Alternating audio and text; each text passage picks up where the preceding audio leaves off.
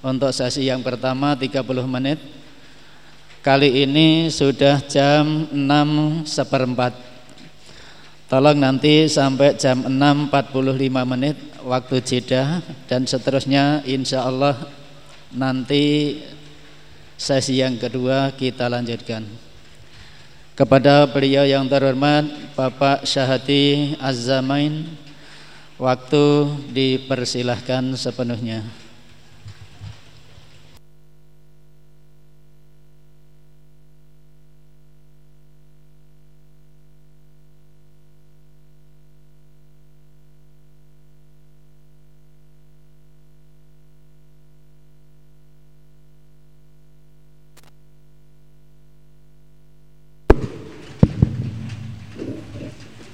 Bismillahirrahmanirrahim. Assalamualaikum warahmatullahi wabarakatuh.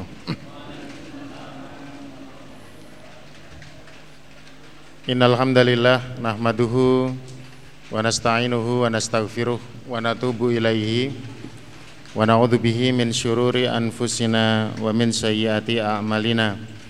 Man yahdihillahu falamudillalahu Wa man yudlilhu falahadiyalah أشهد أن لا إله إلا الله وحده لا شريك له وأشهد أن محمدا عبده ورسوله اللهم صل على نبينا محمد وعلى آل محمد وقال تعالى يا أيها الذين آمنوا اتقوا الله حق تقاته ولا تموتن إلا وأنتم مسلمون وقال يا أيها الناس اتقوا ربكم الذي خلقكم من نفس واحده وخلق منها زوجها وبث منهما رجالا كثيرا ونساء واتقوا الله الذي تساءلون به والأرحام إن الله كان عليكم رقيبا يا أيها الذين آمنوا اتقوا الله وقولوا قولا سديدا يصلح لكم أعمالكم ويغفر لكم ذنوبكم ومن يطع الله ورسوله فقد فاز فوزا عظيما أما بعد Hadirun dan hadirat sekalian rahimakumullah Jamaah pengajian akad pagi yang dimuliakan Allah Subhanahu wa taala. Alhamdulillah kita bersyukur kepada Allah pada kesempatan pagi hari ini di bawah naungan rahmatnya diparingi Jawa diparingi hujan kita masih bisa melaksanakan kewajiban kita setiap pekan untuk menghadiri kajian akad pagi di Masjid Pondok Pesantren Imam Suhodo. Dalam keadaan yang sehat walafiat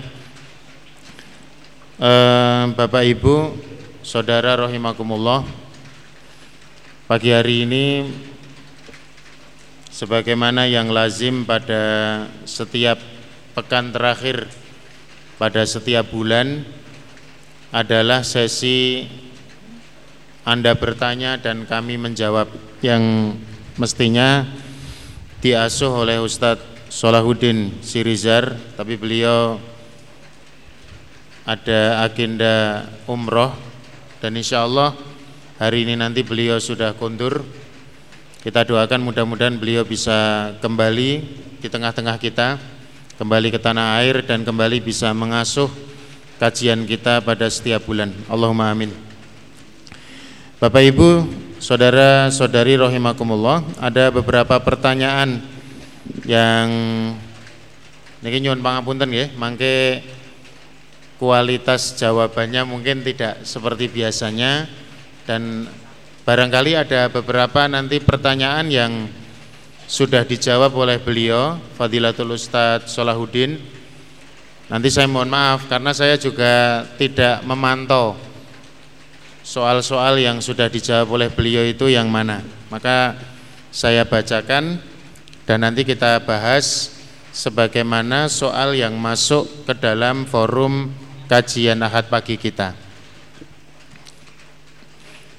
Hadirun dan hadirat sekalian, pertanyaan yang pertama. Assalamualaikum Ustadz. Maaf mau tanya. Saya tuh kok heran, orang mau bertanya kok mesti minta maaf.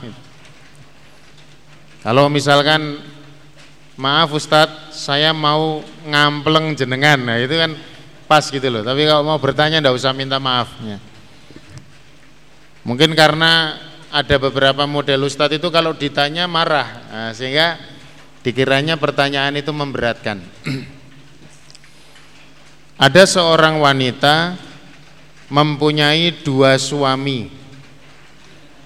Ini saya nggak ngarang pak ya, bisa di persani ini. Yang satu suami nikah sah secara agama dan negara, tapi yang satu cuma nikah secara siri. Saya mau tanya hukumnya apa bagi wanita itu? Ini pertanyaannya aneh ini ya. Atau mungkin salah tulis, maunya menulis istri tapi ditulis suami. Jadi kalau seorang wanita punya dua suami itu tidak usah tanya hukumnya itu kacau balau itu. Haram hukumnya, poliandri itu tidak boleh mutlak. Ya.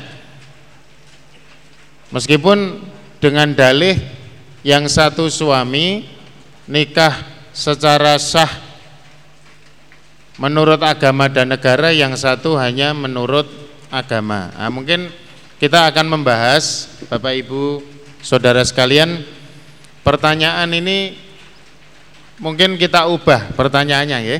Jadi seorang suami yang mempunyai dua istri.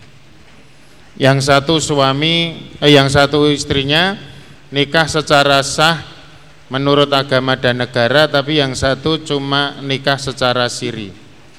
Jadi begini, hadirun dan hadirat sekalian,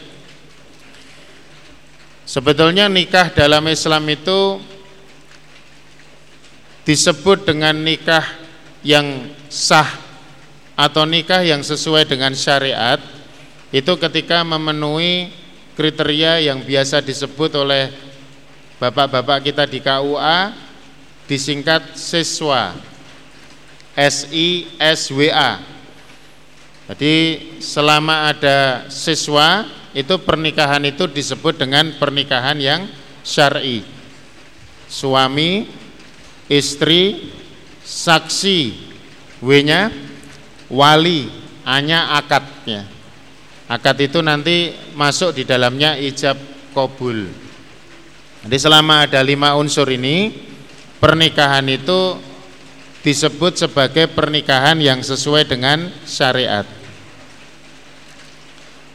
Nah, cuman begini, hari ini berkembang istilah nikah siri atau nikah bawah tangan ini ternyata maknanya sekarang multi tafsir. Jadi maknanya kalau mestinya nikah siri itu disebut nikah siri karena tidak didaftarkan ke KUA tapi memenuhi persyaratan-persyaratannya. Tapi hari ini yang berkembang nikah siri itu pengertiannya nikah sebagai satu bentuk kompensasi karena tidak berani nikah beneran. Contoh kemarin ada kasus disebutnya nikah siri. Ada seseorang menikah orang Solo, cuman yang dinikahi itu di bawah umur. Wallahu alam ya, saya matur kira-kira usianya sekitar usia SMA, jadi masih sekolah. Yang menikahi dia sudah punya istri dan punya beberapa anak. Dia mengistilahkan nikahnya itu nikah siri, tetapi wallahu alam bisawab apakah nikah itu dibenarkan secara syariat atau tidak karena ternyata ada persoalan di sana. Jadi nikah itu tidak dihadiri oleh walinya. Padahal wali ini tesih wonten, orang tuanya sehat, bugar, waras wiris.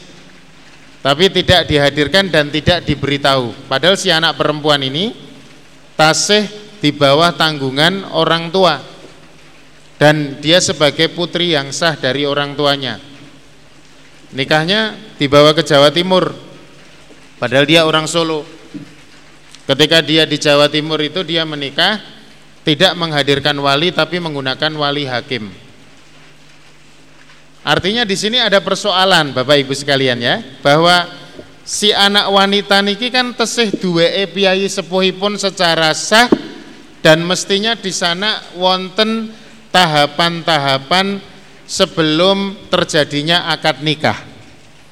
Istilahnya nek cara ngene dhewe nembung se utawi khidbah atau nazar dulu atau lamaran ini sama sekali tidak melibatkan orang tua.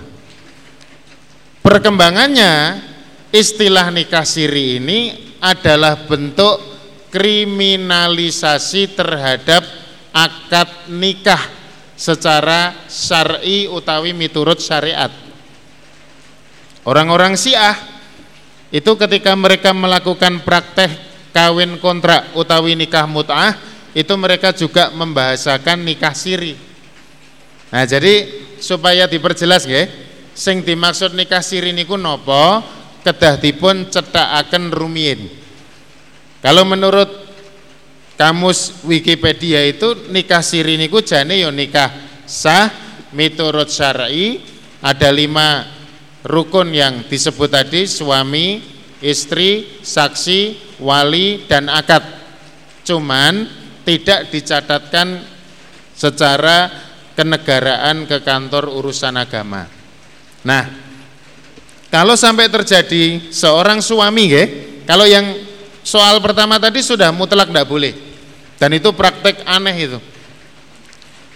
Saya Kusnudon ini yang matur, yang ngendiko ya, yang tanya mungkin salah tulis. Soalnya nek ten cabang belimbing niki enten praktek suami, ah istri dengan dua suami itu luar biasa itu. Kudu ditilii jamaah akad pagi bareng-bareng dirukyah bareng-bareng nih ya. Jadi didungani, dicoba jabu supaya tobat itu. Karena itu sudah menyimpang. Dan tidak mungkin ada pernikahan begitu ya. Jadi kalau kasusnya seorang suami nah mungkin piyambakipun non sewu ya, non sewu PNS. PNS itu konon kan sing dijamin kafalahnya tunjangannya oleh pemerintah hanya istri yang pertama yang sah menurut aturan negara. Tapi gandeng pun punya keinginan untuk menikah lagi. Ya mungkin ada beberapa faktor kita khusnudon niatnya baik dalam rangka mengangkat derajat poro perawan sepuh yang sampai hari ini masih menunggu hari. Maka dia nikah. Cuman nikahnya tidak dicatatkan ke KUA. Yang demikian ini selama memenuhi kriteria syariat wonten suami, wonten istri, ada saksi, ada wali nikah, ada kemudian ijab, kobul, maka nikahnya sah, tidak ada masalah. Ah, cuman begini Bapak Ibu sekalian, ini saya rodo susah mendengar istilah nikah siri ini. Islam itu kan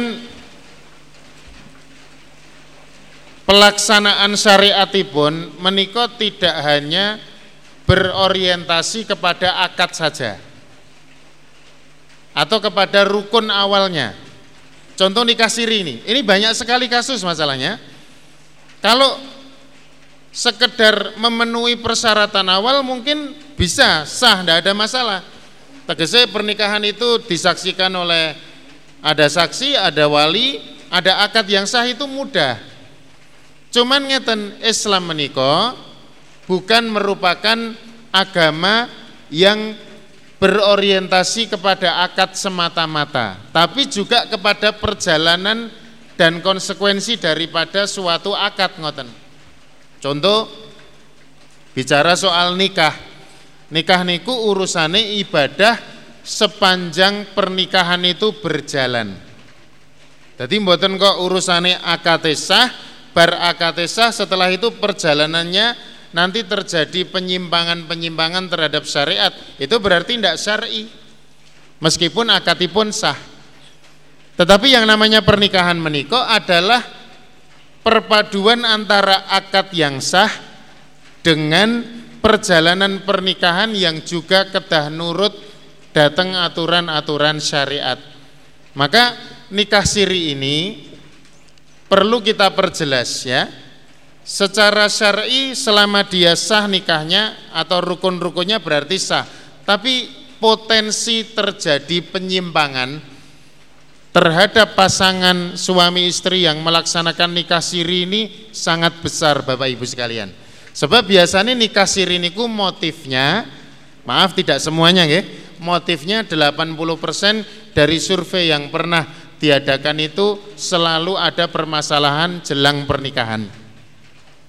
Nah, ini nuwun sewu, maka saya matur kita sebagai muslim yang utuh itu ketika kita hidup di Indonesia ini yang urusan pernikahan ini juga sudah diwadahi secara administratif oleh negara sehingga tuntutan hukum niku coro-corone kan komplain atau melakukan klaim niku iso enten urut-urutane. Maka supaya kita memperhatikan masalah niki. Bukan masalah nikah siri itu boleh atau tidak tapi tembemburine niku sing ketika kita paring kawigatosan. Banyak kasus ibu dan bapak sekalian. Dan dalam kasus-kasus penyimpangan itu selalu yang dikalahkan selalu yang dalam posisi terdolimi itu adalah wanita. Oke? jadi karena mungkin contohnya kalau nyontok kayak kalau dewi men sing gampang. Nah nyontokin jenengan ndak darai piye-piye ngoten? Saya sudah menikah secara negara secara syari punya istri satu anak tiga. Kebetulan ada jamaah pengajian yang jatuh cinta sama saya nah jatuh cinta toh ya Ternyata masih ada suaranya ya. Di sini tidak ada orang, di sana masih ada suaranya. Alhamdulillah. Kemudian setelah ditimbang-timbang yang jatuh cinta tadi ngebet banget wah pokoknya aku pengennya kawin karo Pak Sahadi nek ora aku pokoknya pilih mati pamane ngoten. Kan darurat itu ya. Lah itu saya ditembungi malah diwalek ora kula sing nembung. Anu men Pak niki dirembak apik-apik pomo nikah siri niku pripun ngoten. Artinya siri ini saya tidak perlu minta izin kepada istri saya, juga kemudian masyarakat mungkin juga tidak perlu diumumkan, tidak perlu ada pencatatan ke KUA dan sebagainya. Bapak Ibu sekalian rahimakumullah. Sekarang ini nuwun sewu kadang-kadang agama Islam yang suci ini yang sebetulnya di antara tujuan utawi makosidus syar'i menikah kan menjaga kebaikan buat hamba menjaga baiknya keturunan atau nasabnya kalau terkait dengan pernikahan termasuk juga menjaga agama seseorang. Nah, kalau budaya nikah siri ini ya artinya nikah siri itu nikah yang di bawah tangan tidak dicatatkan ke KUA sementara problem pernikahan itu hari ini isone rampung nek dicatatkan atau diklaimkan kepada hukum agama maka ini menjadi persoalan tersendiri jadi saya matur pertanyaan ini tentu perlu ada perincian. Asalipun nikah siri itu boleh-boleh saja tentu dengan berpegang kepada hak dan kewajiban suami istri sepanjang pernikahan. Jadi mboten mong golek sah ten ngarep bar niku terus urusannya dadi rapati cetha. Ada pasangan nikah siri tadi, saya matur dia sudah punya istri yang sah dicatatkan ke negara karena dia pegawai negeri sipil, dia kemudian menikahi orang lain, istri yang kedua secara syar'i tapi tidak dicatatkan bahasane siri niku wau. Tapi ternyata ada masalah. Ketika anaknya lahir, anak nggak cuma satu sampai dua sampai tiga, kemudian kondisi ekonomi sang suami ini ada persoalan, kemudian istri pertamanya ternyata tahu kalau dia punya istri kedua tidak terima, dia mengancam dan sebagainya, sementara dia PNS, yang namanya PNS itu butuh pengakuan, butuh eksistensi secara administratif di depan publik. Akhirnya dia melepaskan tanggung jawabnya terhadap istri yang kedua yang dinikahi secara siri. Ini kezoliman ini. Mulai nuwun sewu nggih, enten model-model mungkin ustadz, mungkin kiai atau mungkin maaf kita menyebut ulama kok merekomendasikan betul pernikahan siri ini karena saya pernah mendengar itu. Ini ulama nyeleneh memang, lebih dekat kepada faham Syiah itu. Ternyata dia punya misi seperti itu. Supaya mengkene nikah mut'ah atau kawin kontrak itu yo penak gitu loh, kontrak kawin. Nah, ini penyimpangan. Ya, maka saya matur kepada ibu-ibu, bapak-bapak yang punya atau kagungan putri, terutama putri nek lanang wira nek masalah yang punya putri atau kagungan putri yang sudah siap nikah itu supaya berusaha bertakwa kepada Allah semaksimal mungkin. Tegesipun kalau melepaskan putrinya untuk dinikahi orang lain supaya diperhatikan kode etik tadi ya. Jadi mboten masalah. Paman jenengan ngeculke ten kula. Jenengan percaya kali kula nek Pak Sahdi sok ya iso dipercaya rasa kudu ning kawar apa-apa. Nek kula sok iso dipercaya soke. Ning liyane kula apa ya iso dipercaya pamane. Niki malah promosi ya. Nah, jadi supaya diperhatikan Bu. Jangan melihat casingnya karena kasus sudah banyak. Saya sedih sekali ketika ada pengakuan-pengakuan janda mut'ah si fulan di ya di Pondok Pesantren Yapi Bangil itu salah satu markas Syiah nasional itu kan dijadikan sebagai nun sewu ya, media untuk pernikahan bawah tangan yang ternyata itu adalah modus kawin kontrak yang dibungkus dengan nikah yang syar'i. Jadi secara hukum nek niate ikhlas, perjalanannya baik, tidak ada masalah. Tapi yang perlu diperhatikan jangan gampang-gampang menikahkan putri jenengan secara siri atau secara syar'i sebab itu nanti kita agak kesulitan. Kecuali kalau ada catatan-catatan yang jelas. Tadi mboten dicatatkan yang KUA, tapi saksi-saksi yang hadir itu orang-orang yang kompeten. Misalkan para alim ulama juga diundang, bertanda tangan di situ coro kekuatan hukum niku meskipun tidak sampai ke negara secara masyarakat itu sudah mengetahui itu tidak ada masalah. Ini pertanyaan yang pertama. Yang kedua kedap ya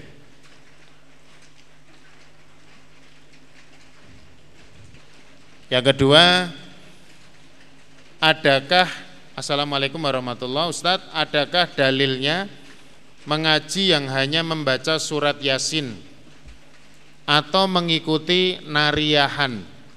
Bolehkah dilakukan? Jadi begini Bapak Ibu sekalian, membaca surat Yasin itu dianjurkan. Boleh membaca surat Yasin. Sebagaimana dianjurkan membaca surat-surat yang lain di dalam Al-Qur'anul Karim. Dados maos Quran iku milih surat itu boleh.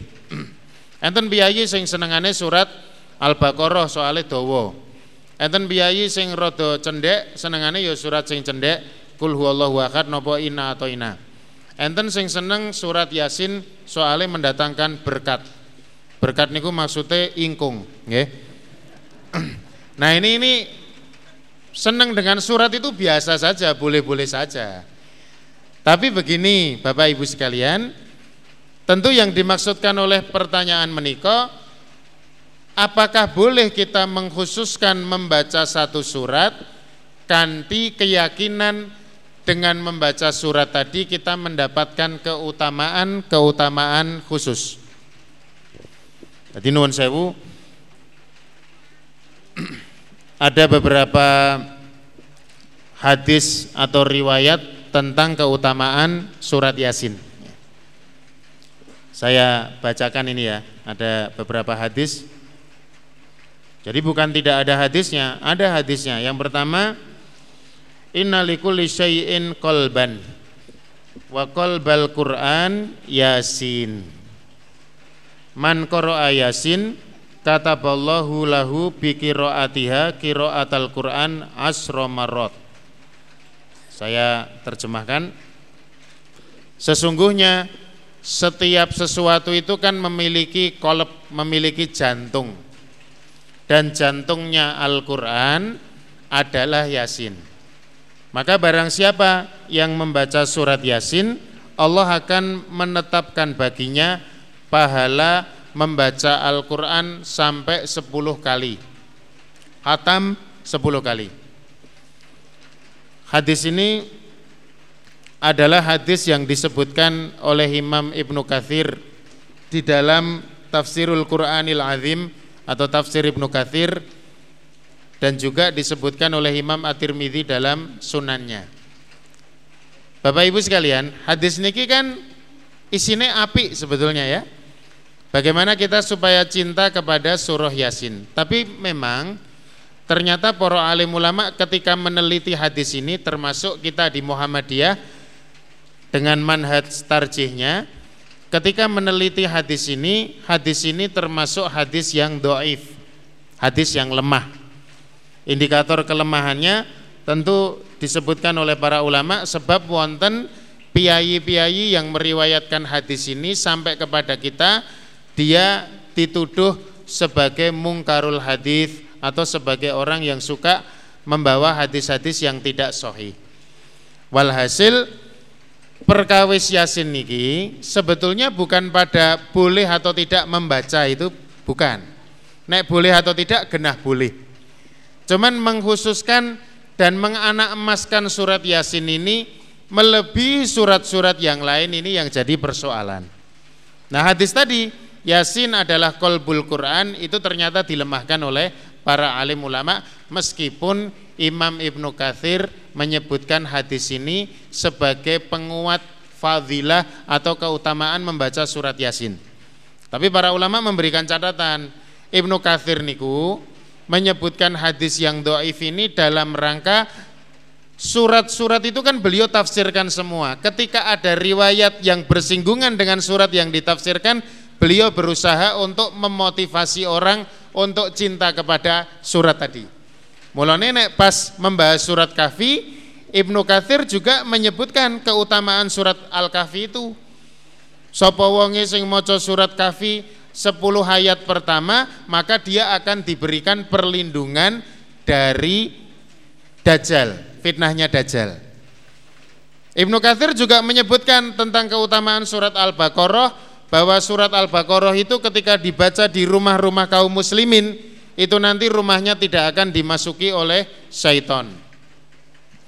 Cuman sayangnya kenapa kok kita tidak pernah mendengar acara Baqarahan, acara Kahfian, acara Kulhuaile, acara surat-surat yang lain itu kok tidak pernah. Kenapa kok kita seringnya mendengar yasinan? Nah, ini kan berarti kita memperlakukan surat-surat itu tidak proporsional. Ada juga Bapak Ibu sekalian hadis yang lain misalkan Iqra'u ala mautakum Yasin. Bacakanlah kepada orang yang akan meninggal di antara kalian dengan surat Yasin. Hadis ini memang dikeluarkan oleh para ulama seperti dalam Sunan Abu Dawud, Sunan Ibnu Majah, Sunan At-Tirmidzi, kemudian dalam Ibnu Sunni, Amalul Yaumi Walailah dan sebagainya. Tapi saya matur lagi, setelah diteliti ternyata hadis ini adalah hadis yang doif, yang lemah. Jadi nanti ada banyak sekali riwayat-riwayat seputar Yasin. Niki kula kelumpukke nggih sekitar 14 riwayat tentang keutamaan surat Yasin ternyata jatuhnya kalau dia tidak doif, dia dihukumi sebagai hadis yang palsu. Nah, saya matur ini karena memang Yasin ini sudah masuk ke dalam ritual khusus sebenarnya. Contoh misalkan Iqra'u ala mautakum Yasin. Saya pernah sowan ke Seragen masih family sama saya. Kemudian di situ saya jenguk orang yang dalam kondisi sakit parah. Mungkin guys mendekati sakaratul maut eh, ada ranjang tempat orang sakit itu, kemudian disediakan kursi di situ, kursi ini rododowo. Ada kursi panjang, disediakan meja, meja itu ada setumpuk mushaf Al-Qur'an atau lebih tepatnya non sewu buku Yasin ya, buku Yasin. Nah, saya waktu itu datang ya niat kula tilik nyumbang, orang niat maca ke Quran. Maca ke Quran ya pengajian akad pagi batin kula nih. Lah kula teko siapin ndang cepet-cepet lah kok malah anu nun sewu dipun monggo yasinipun dos pundi? Aku rapati dong. Dadi kon maca. Wah, lah niki kula selak enten acara niku. Nah, kula ya selak pamit barang Lho lah terus pundi lah wong sing kula arep-arep dongane. Alah mboten napa-napa. Niki kula pun dongake saya salami yang sakit itu sudah tidak respon salami, saya bacakan Al-Fatihah, saya bacakan Allahumma rabbana siyati bil ba'sa dan sebagainya. Pun rampung pun niki insyaallah dongane pun kabul tekan. Napa melih ditambah niki kula ngetokke amplop kula jak salaman. Niki tambah dongane niki sing penting. Oh nek ngeten nggih matur nuwun sangat kok bae ya gelem ya dan sebagainya. Kira-kira dhek patut ngomong ngono mboten mboten maca Yasin mboten napa-napa ning sing penting amplope tekan ngoten. Syukur Yasin sa amplope. Nah, saya pamit. Ternyata memang begitu Bapak Ibu. Dasarnya orang yang mau meninggal itu dibacakan surah Yasin. Padahal nek miturut hadis yang sahih dan tuntunan penyelenggaraan jenazah miturut syariat Islam miturut sunnah itu sebentar ya itu kita berpegang kepada lakinu mautakum la ilaha illallah. Tuntunlah mauta orang yang akan meninggal dengan la ilaha illallah. Jadi wong yang dalam kondisi sakaratul maut itu ternyata tidak dituntunkan untuk dibebani dengan bacaan-bacaan yang banyak. Imam Al-Qurtubi, jazakumullah khairah, barakallahu fikum. Imam Al-Qurtubi mengatakan, Bahkan dalam mentalkin mayit itu ojo kerep-kerep. Soalnya mayit niku ketika sering ditalkin sebelum meninggal ya, sakaratul maut itu ada beban. Tapi tetap ditalkin, mengke rada suwe dhek wis mulai ngendikan sing liyane napa-napa mulai rada lali ditalkin melih, tapi tidak terus-menerus. Nah, kalau dibacakan surat Yasin ini ini kan tentu tidak pas dengan tujuan daripada talkin itu sendiri, ya. Oke, ini sementara nanti kita lanjutkan pada session yang kedua. Monggo pada Pak Parno Barokallahu fikum. Ya. Demikianlah kajian yang pertama, sesi yang pertama.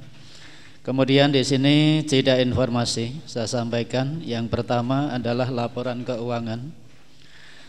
Laporan keuangan akan pagi edisi kemarin, edisi yang ke-49 tanggal 18 Maret 2018 saldo awal adalah 82 juta 798 500 ribu rupiah. Kemudian pengeluaran 13 juta 20 ribu 300 rupiah.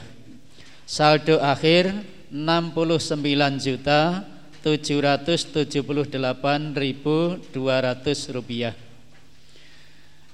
Infak kemarin 11 juta 701 ribu rupiah.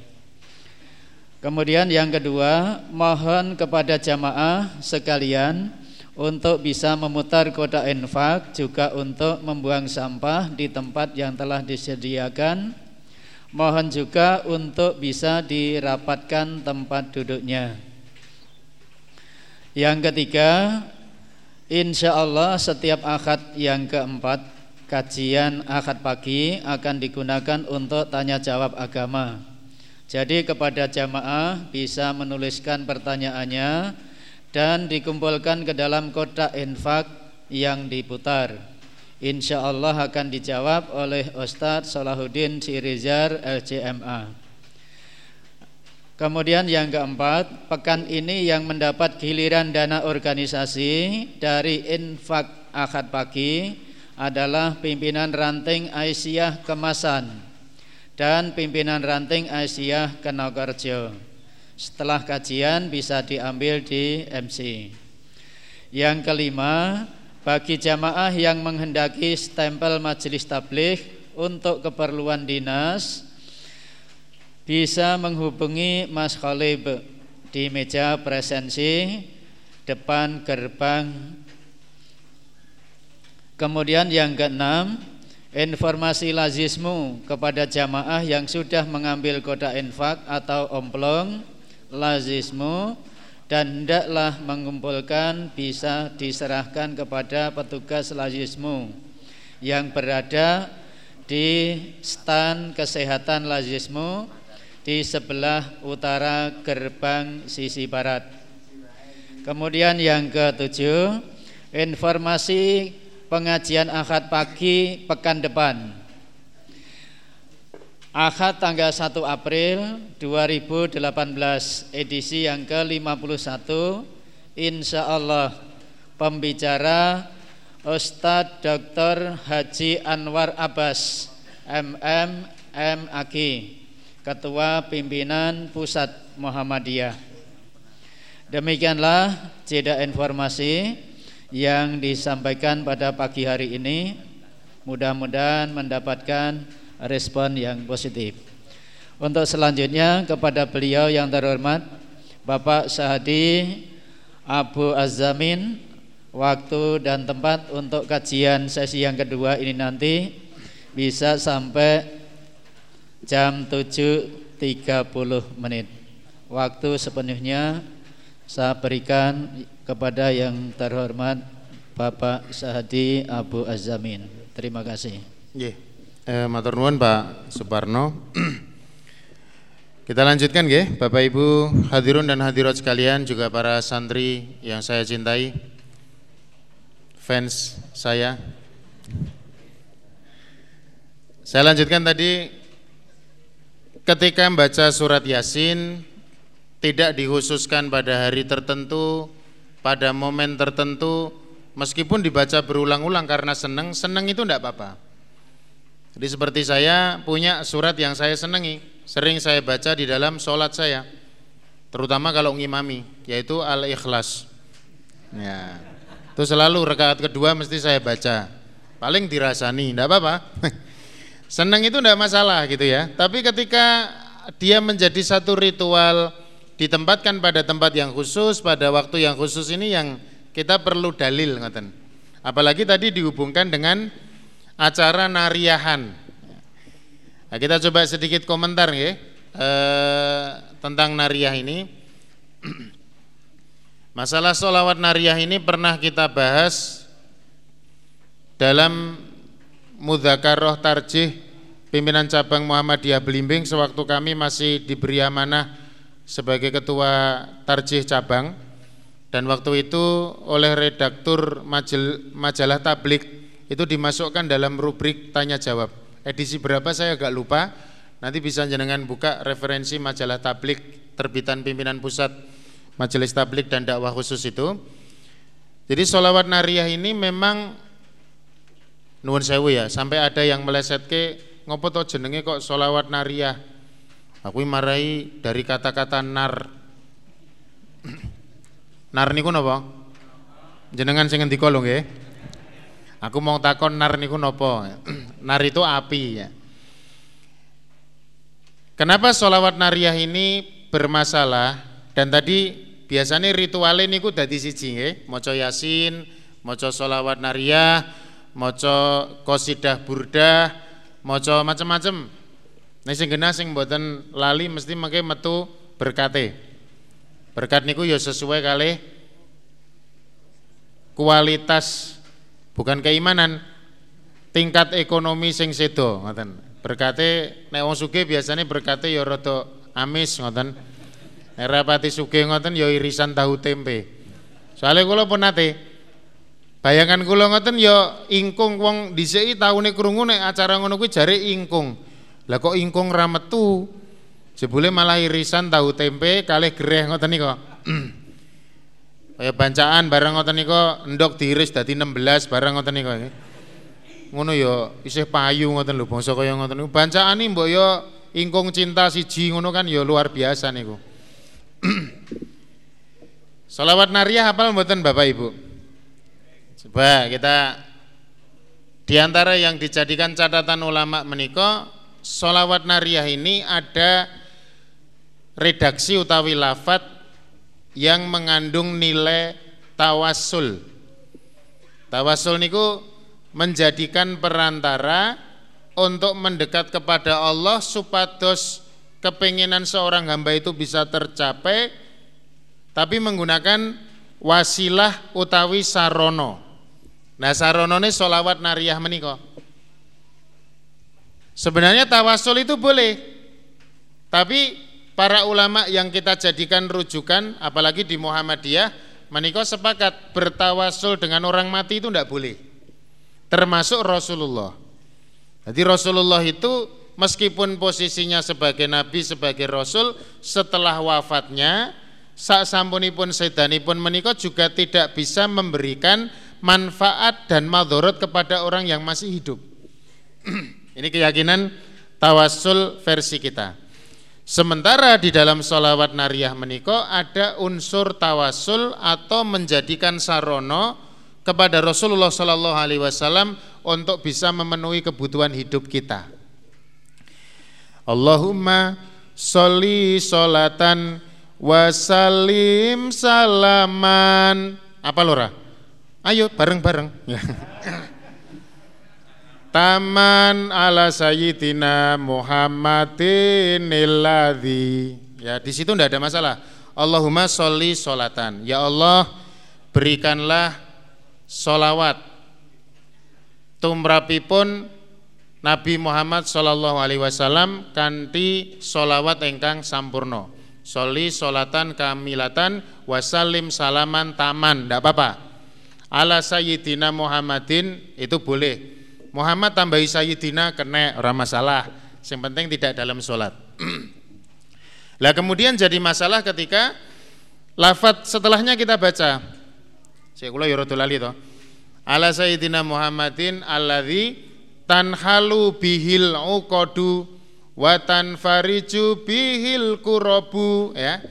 Tanhalu bihil uqadu itu kanti jah utawi makomipun Nabi Muhammad semua ikatan kehidupan kita ini bisa terlepas. Watan fariju bihil kurobu lan kanti makomipun Nabi Muhammad seluruh problematika hidup itu bisa dicarikan solusinya Watukdo bihil hawa iju watunalu bihil rogo ibu Bahkan kebutuhan-kebutuhan harian kita itu akan bisa dipenuhi kanthi maos solawat niki wau lumantar makomipun Rasulullah sing pun sedo. Lah ini masalahnya. Nggih. Jadi menjadikan orang yang sudah sedo itu sebagai sumber daripada kesuksesan hidup di dunia utawi nek mboten sumber yo ya sarono. Sebab mereka mengatakan ora kita meyakini tetap itu dari Allah neng lumantar utawi kanthi sarono Nabi Muhammad Shallallahu Alaihi Wasallam. Ya, jadi ini pak eh, kita mestinya kalau beribadah itu sudah tidak lagi melu-melu sing pun umum dan sebagainya ya. Termasuk sholawat badar itu juga bermasalah karena di situ ada tawasul dengan ahli badar, penduduk badar. Napa jenenge niku? Salatullah salamullah ala toha rasulillah. Itu masalah yang pertama Salatullah salamullah. Salawat salamipun Allah ala toha. Tumrapipun toha. Toha niku sinten rasulillah? Padahal rasul kita bukan toha. Rasul kita Muhammad. Niki berarti sallallahu alaihi wasallam. Berarti bancai Asmone Nabi Muhammad diganti toha.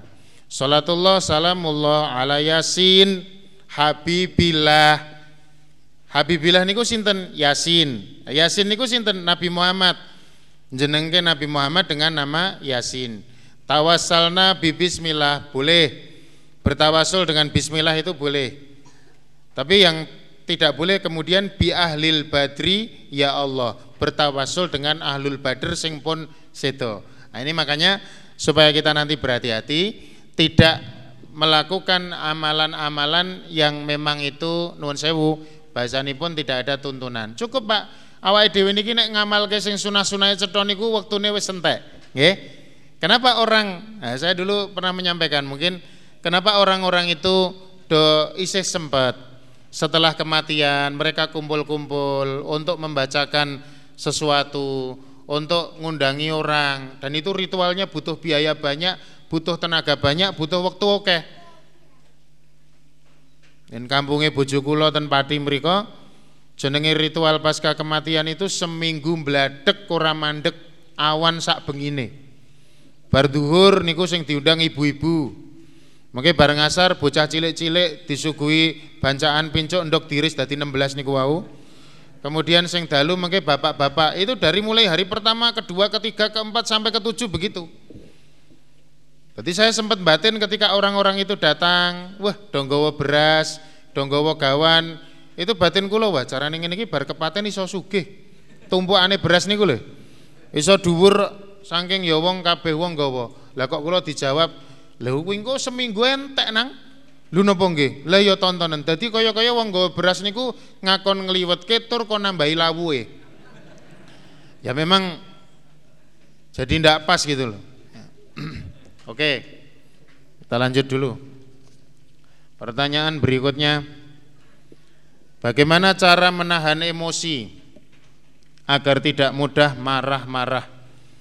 Sebagai seorang ibu rumah tangga, saya sering marah-marah. Kadang malah marah-marahnya enggak jelas. Mohon petunjuknya nyata jazakumullah khaira. Bagi ibu-ibu yang suka marah-marah dan sebab kemarahannya enggak jelas, saya minta untuk memperjelas dulu sebab kemarahannya. Maka jenengan nek nesu-nesu ora cetha sebabe niku mengke kategori orang-orang yang harus dibawa ke kentingan itu. ya, Mangkun Jayan. Jadi begini Bu, Bapak sekalian rahimakumullah, marah itu anugerah Allah Subhanahu wa taala dan sifat yang sering disebut di dalam nas-nas syariat. Tegasipun Allah pernah marah, ya sebagai sifat datiahnya. Kemudian juga Rasulullah memperbolehkan kita marah. Niki tak kira nek bolehnya marah ini sudah sepakat. Cuman yang penting untuk kita pahami kan bolehnya marah itu di tempat-tempat tertentu dan di saat-saat tertentu. Kemarahan nalikanipun Al-Qur'an atau Islam dinistakan oleh sang penista agama, kita marah. Kemarahan ketika ajaran agama kita dilecehkan. Kemarahan ketika hak pribadi kita sebagai muslim termasuk kepemilikan barang diganggu oleh orang lain kita bisa marah. Istri kita diganggu orang lain kita marah. Kita mengganggu istri orang lain kita dimarahin. Itu biasa. Boleh ya. Tapi dalam kondisi-kondisi tertentu marah itu menjadi tidak baik. Ini nun sewu bukan saya sudah terlepas dari ini soal ini ada santri-santri saya batinnya mungkin oleh Pak Saudi oke ini nesu-nesu kok. Mula tak cetake Mas ya.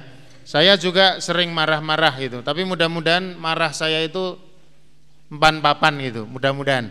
Nah, secara singkat, kalau nanti kita kaji fikih marah terlalu panjang, ada buku bagus tentang fikih godop atau fikih marah.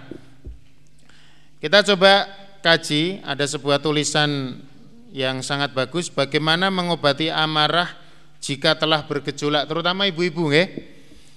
Nah, bapak-bapak marah niku biasanya enten sebab sing rada cetha. Ya, tapi kalau ibu-ibu ini memang unik ya. Memang itu ciri khas dan kelebihan ibu-ibu bukan kelemahan ya. Marah-marah itu sebabnya apa rapati cetha?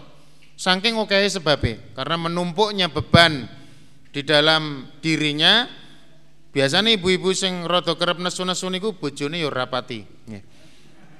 Ora pati cetha ngoten lho maksudnya. Kan nesune ora cetha, mergone bojone ora pati cetha. Mengke mang goleki dhewe bojone sinten niku. Orang yang marah itu kita coba baca nggih. Yang pertama ibu dan bapak sekalian supaya kita nggak gampang marah atau maaf emosi itu tidak terluap secara salah. Emosi jangan ditahan. Emosi itu perasaan hati ya. Kalau emosi itu ditahan berat nanti malah akan menimbulkan ledakan kemarahan yang lebih, maka jangan ditahan, disalurkan tapi secara baik. Seperti maaf, syahwat kita sebagai seorang manusia itu kan nggak boleh kita tahan-tahan gitu, tetap harus disalurkan. Bagi yang belum nikah, penyalurannya dengan saum, dengan banyak olahraga dan sebagainya. Bagi yang sudah nikah, disalurkan dengan bersodakoh kepada pasangannya. Termasuk marah ini. Maka ada beberapa tips supaya kita yorodo iso mengendalikan marah menurut sunnah Rasulullah. Hadisnya mengkai sebagian kula waca sebagian boten soalnya panjang. Yang pertama, ketika kita marah atau akan marah, kita baca ta'awudz. A'udzubillahi minasyaitonir rajim. Ini sunahnya Rasul ketika ada dua sahabat itu ribut, sarapan teman-teman kira-kira. Maka Rasul mengatakan, saya akan sampaikan kepada kalian satu kalimat yang kalau kalian baca ini kalian tidak akan marah. Kemudian yang satu diajarkan oleh Rasulullah yaitu isti'adzah. A'udzubillahi minasyaitonirrajim. Akhirnya sing siji maca a'udzubillahi minasyaitonirrajim. Sing siji krungu wau rumah samu aku wong edan. Rasido rasido padu malah guyon. Aku du wong edan kok mbok wacake ngoten niku ya. Jadi nanti kalau ada kita mau marah kita baca ta'awud. Baca isti'adzah atau A'udzubillahi minasyaitonirrajim. Yang kedua, supaya kita bisa menjaga kemarahan itu kita banyak mengucapkan kalimat-kalimat thayyibah. Terutama ibu-ibu, nggih. Mboten kok perkara ibu-ibu seneng nesu bukan, Bu. Pangandikan jenengan niku donga. Kalau jenengan marah-marah kemudian melampiaskan dengan caci maki dan perkataan yang tidak baik dan itu ditujukan kepada putra putri panjenengan itu maknanya jenengan sedang mendoakan buruk. Bocah angel diatur mangan diwenehi sithik kurang kokean mutah-mutah genehe kowe iki anake sapa ya kan padahal anake dhewe niku lali ini ungkapan-ungkapan yang tidak perlu ya diganti dengan kalimat thayyibah wal kalimatu thayyibatu sedekah Astagfirullah la haula wala quwata illa billah. Karo rada nesu ora apa-apa, banter. Astagfirullah. Ngoten ya. Kok fasih men to Pak Sahadi gaene nesu-nesu. Heeh, nggih. Ini praktek. Jadi silakan diganti itu nanti maknanya nanti suwe-suwe mendo. Kemudian yang ketiga, sebisa mungkin nek pas nesu niku nek iso mengendalikan ojo ngasih nyuworo. Nah niki nek nek kula nate Pak, kudu nesu akhirnya saya ambil nafas melu-melu nggon film Ipin Upin niku. Terus meneng. Bae yo terus dadi rasido nesu, nggih. Iya wong meneng kok. Rasido nesu, neng ngerti, menungso-menungso niku ngerti, kayak tetap nesu, kayak merengut tok. Tapi kita tidak mengumbar amarah. Kemudian yang keempat, bisa dengan berwudu. Nah, ketika mau marah kita ambil wudu atau mandi. Itu nanti akan mengurangi tensi marah kita. Kemudian kata Rasulullah SAW juga, Idza ghadiba ahadukum wa huwa qa'imun falyajlis. Menawi panjenengan menika nesu utawi ajeng duka, ajeng marah, kalau dia berdiri maka duduk. Posisi ngadeg wis arep duding-duding ngoten lingguh se. Mungkin nek lingguh isih nesu, kata Nabi sallallahu alaihi wasallam, wa illa falyattaji. Kalau ndak bisa duduk masih pengen marah, coba berbaring. Insya Allah meniku mungkin marahnya hilang, ganti kantuk dan tertidur. Enak itu. Ada juga mungkin kompensasinya orang yang mau marah itu gak jadi marah karena makan. Umur goni luwe ya, dan sebagainya. Kemudian yang berikutnya jauhkan hal-hal yang membawa kemarahan. Ada orang senengane nesu-nesu sebabnya wis cetha. Eh kudune nek wis ngerti, aku engko yen weruh kaya ngono kuwi mesti nesu, ya aja weruh. Ngerti nek weruh kaya ngono mesti nesu, dadak mbok weruh-weruhi kan ngoten. Ini penting ini ya. Jadi mengatur pergaulan, mengatur manajemen dengan menjauhkan dari sebab-sebab yang menjadikan dia marah. Kemudian berikan hak kepada badan untuk istirahat. Ini dalil-dalilnya umum. Sebab nuhun sewu menurut kajian poro ahli kemarahan itu 99% disebabkan oleh kondisi badan yang tidak fit. Jarang enten piyayi berenang mangan enak, sehat, fresh, bar niku nesu-nesu niku jarang. Biasanya nesu-nesu niku sebabnya kan bangsa awak sing ora pati penak termasuk penyebab awak mboten pati penak niku ora pati duwe duit. Wah, itu luar biasa. Jadi wis orang duwe duit kan imbasnya ke banyak hal. Dia ndak bisa makan secara standar pemenuhan gizi yang dia butuhkan lan sampai turutipun akhirnya kudu nesu-nesu. Winyet ngono ku angger tanggal tuwa ngamuk-ngamuk ngono ku yo sebabnya wis cetha. Nah, biasanya ibu-ibu yang marah-marah tanpa sebab ini adalah bagian daripada penumpukan problem yang bukan karena kesalahan anak. Anak-anak itu ibu-ibu itu tahu punya kasih sayang. Bocah jenenge maem mutah, bocah pipis sak nggon-nggon, bocah maaf buang air besar di celana sehingga mengotori atau mungkin dia melakukan hal-hal yang sifatnya lumrah untuk anak, itu ibu-ibu jane ora perkara nesune ora perkara kuwi. Neng nesune gara-gara napa?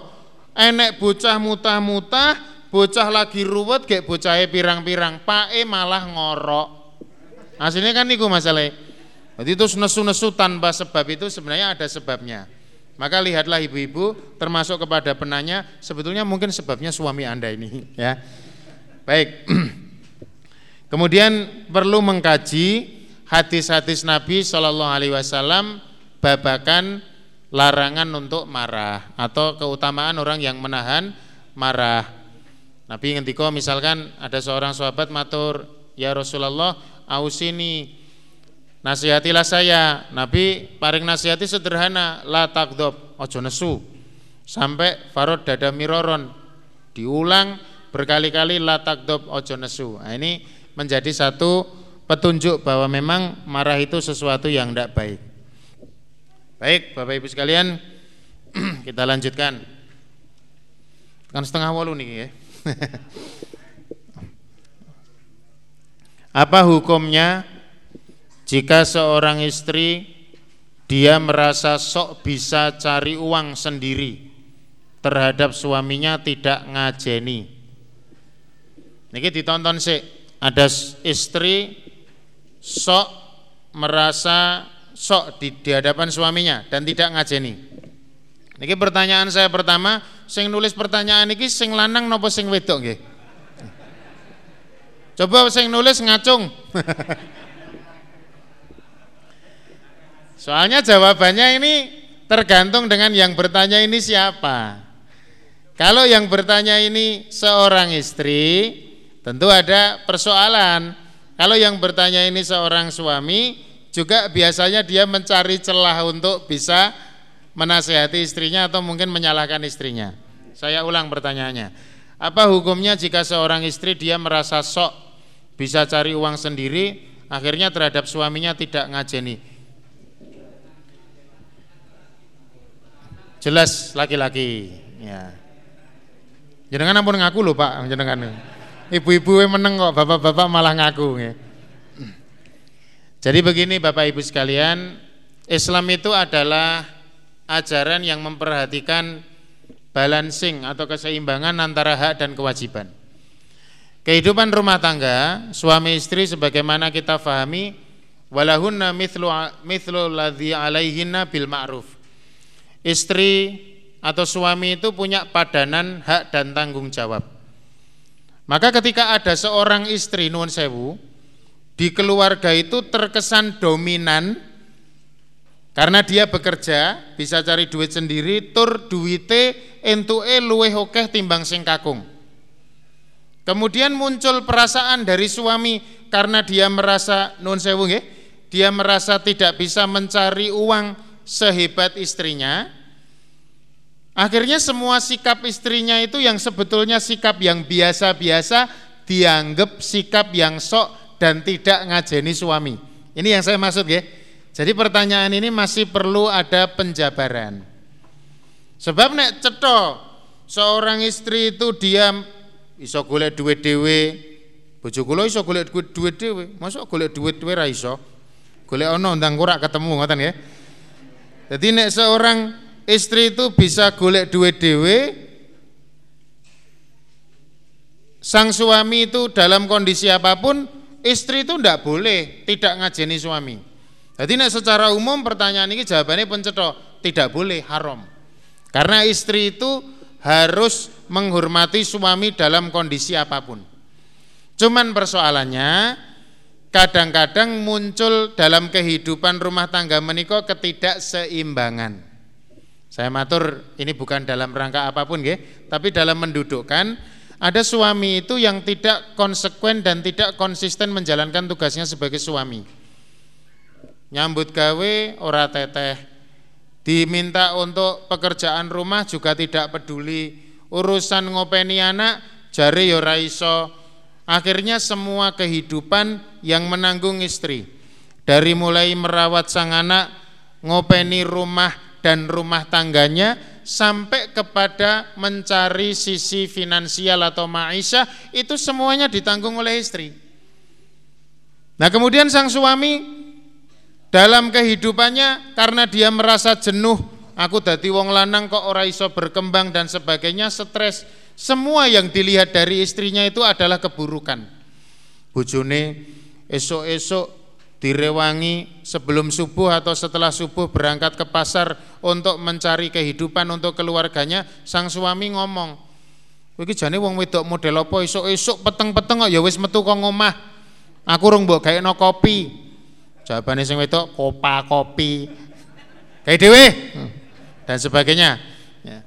Ini ini Bapak Ibu sekalian, sering kali kita melihat saya informasi dari Ustadz Trias Moro Kurniawan ya, konsultan keluarga sakinah nasional itu sering kali kalau ada orang yang konsultasi, datang suami, datang istri, problemnya sama, tapi jawaban yang diminta itu berbeda.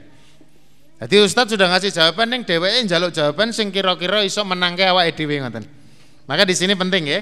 Jadi tidak masalah seorang suami itu bekerja atau tidak silakan itu wilayah pribadi-pribadi panjenengan tapi ketika istri itu dia punya kelebihan dalam mencari uang, kok sampai dia merasa nggak ngajeni dengan suaminya. Ada model begini memang, wanita-wanita karir yang kemudian merendahkan suami, meski juga banyak yang alhamdulillah meski dia diberikan kemudahan untuk mencari rizki, tetap menunaikan tugas hak dan kewajibannya secara benar.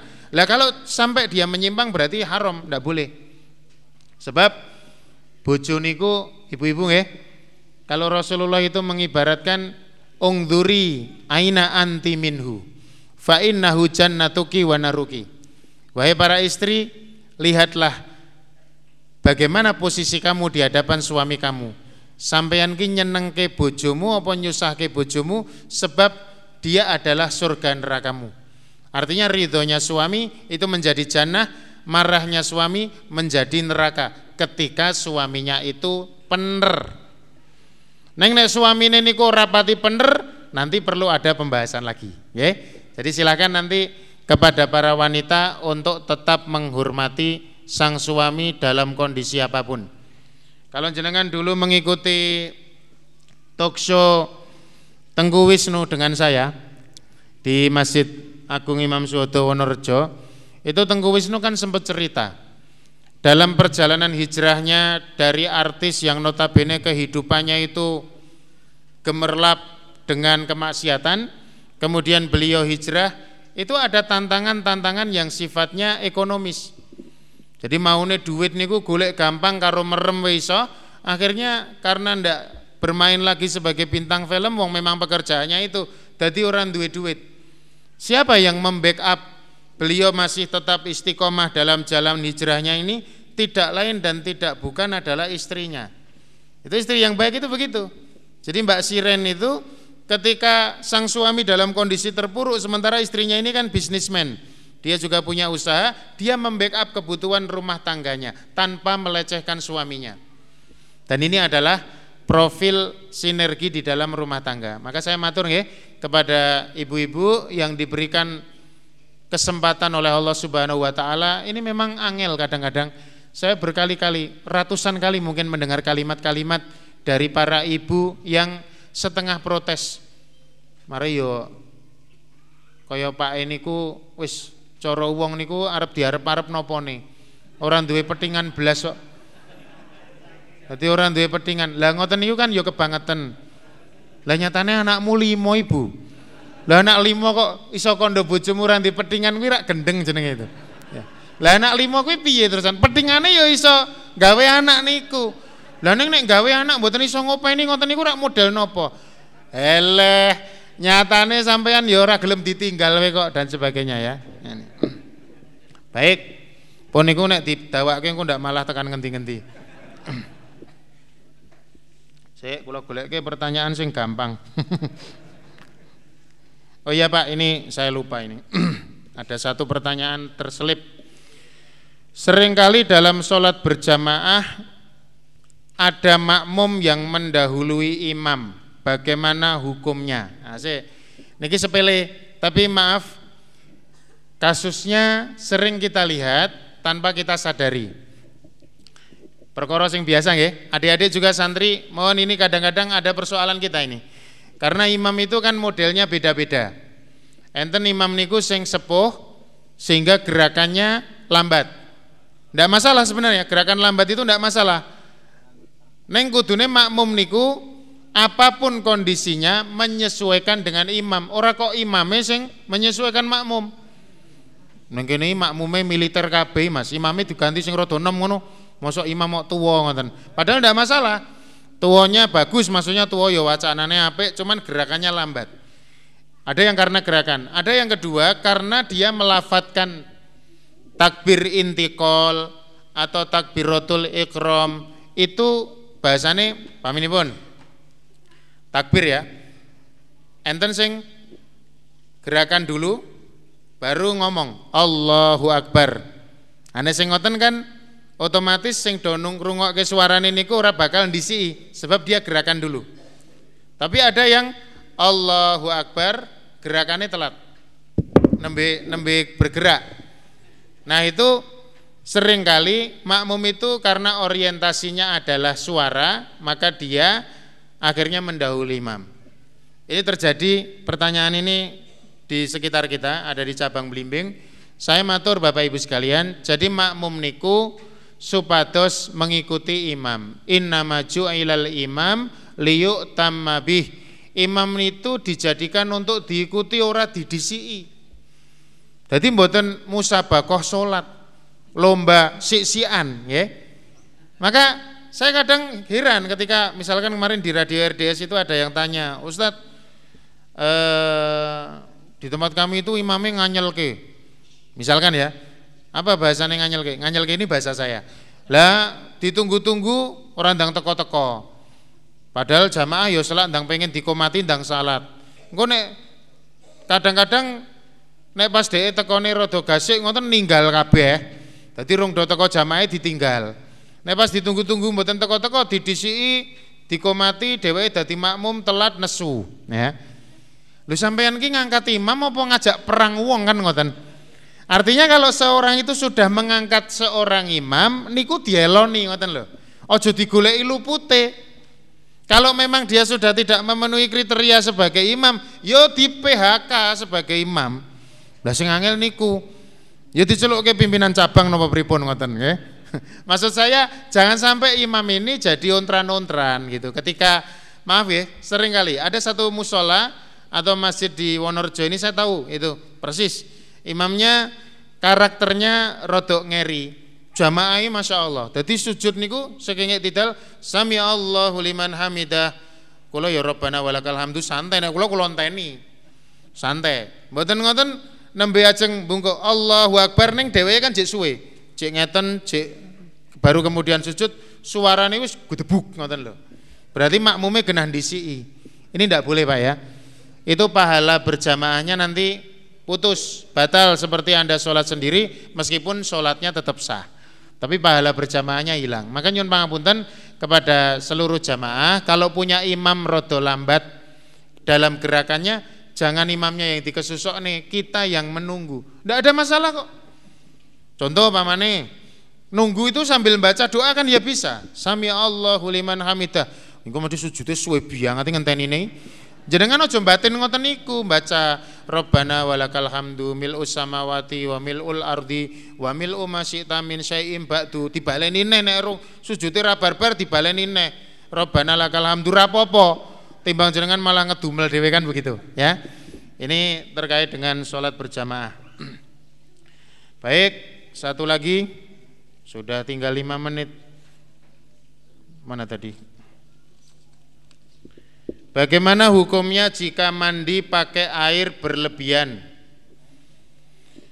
Bapak Ibu dalam toharoh, entah itu wudhu, mandi, termasuk memandikan jenazah, Rasulullah sampun paring tulodo dan sunnah supaya kita tidak berlebihan dalam menggunakan air.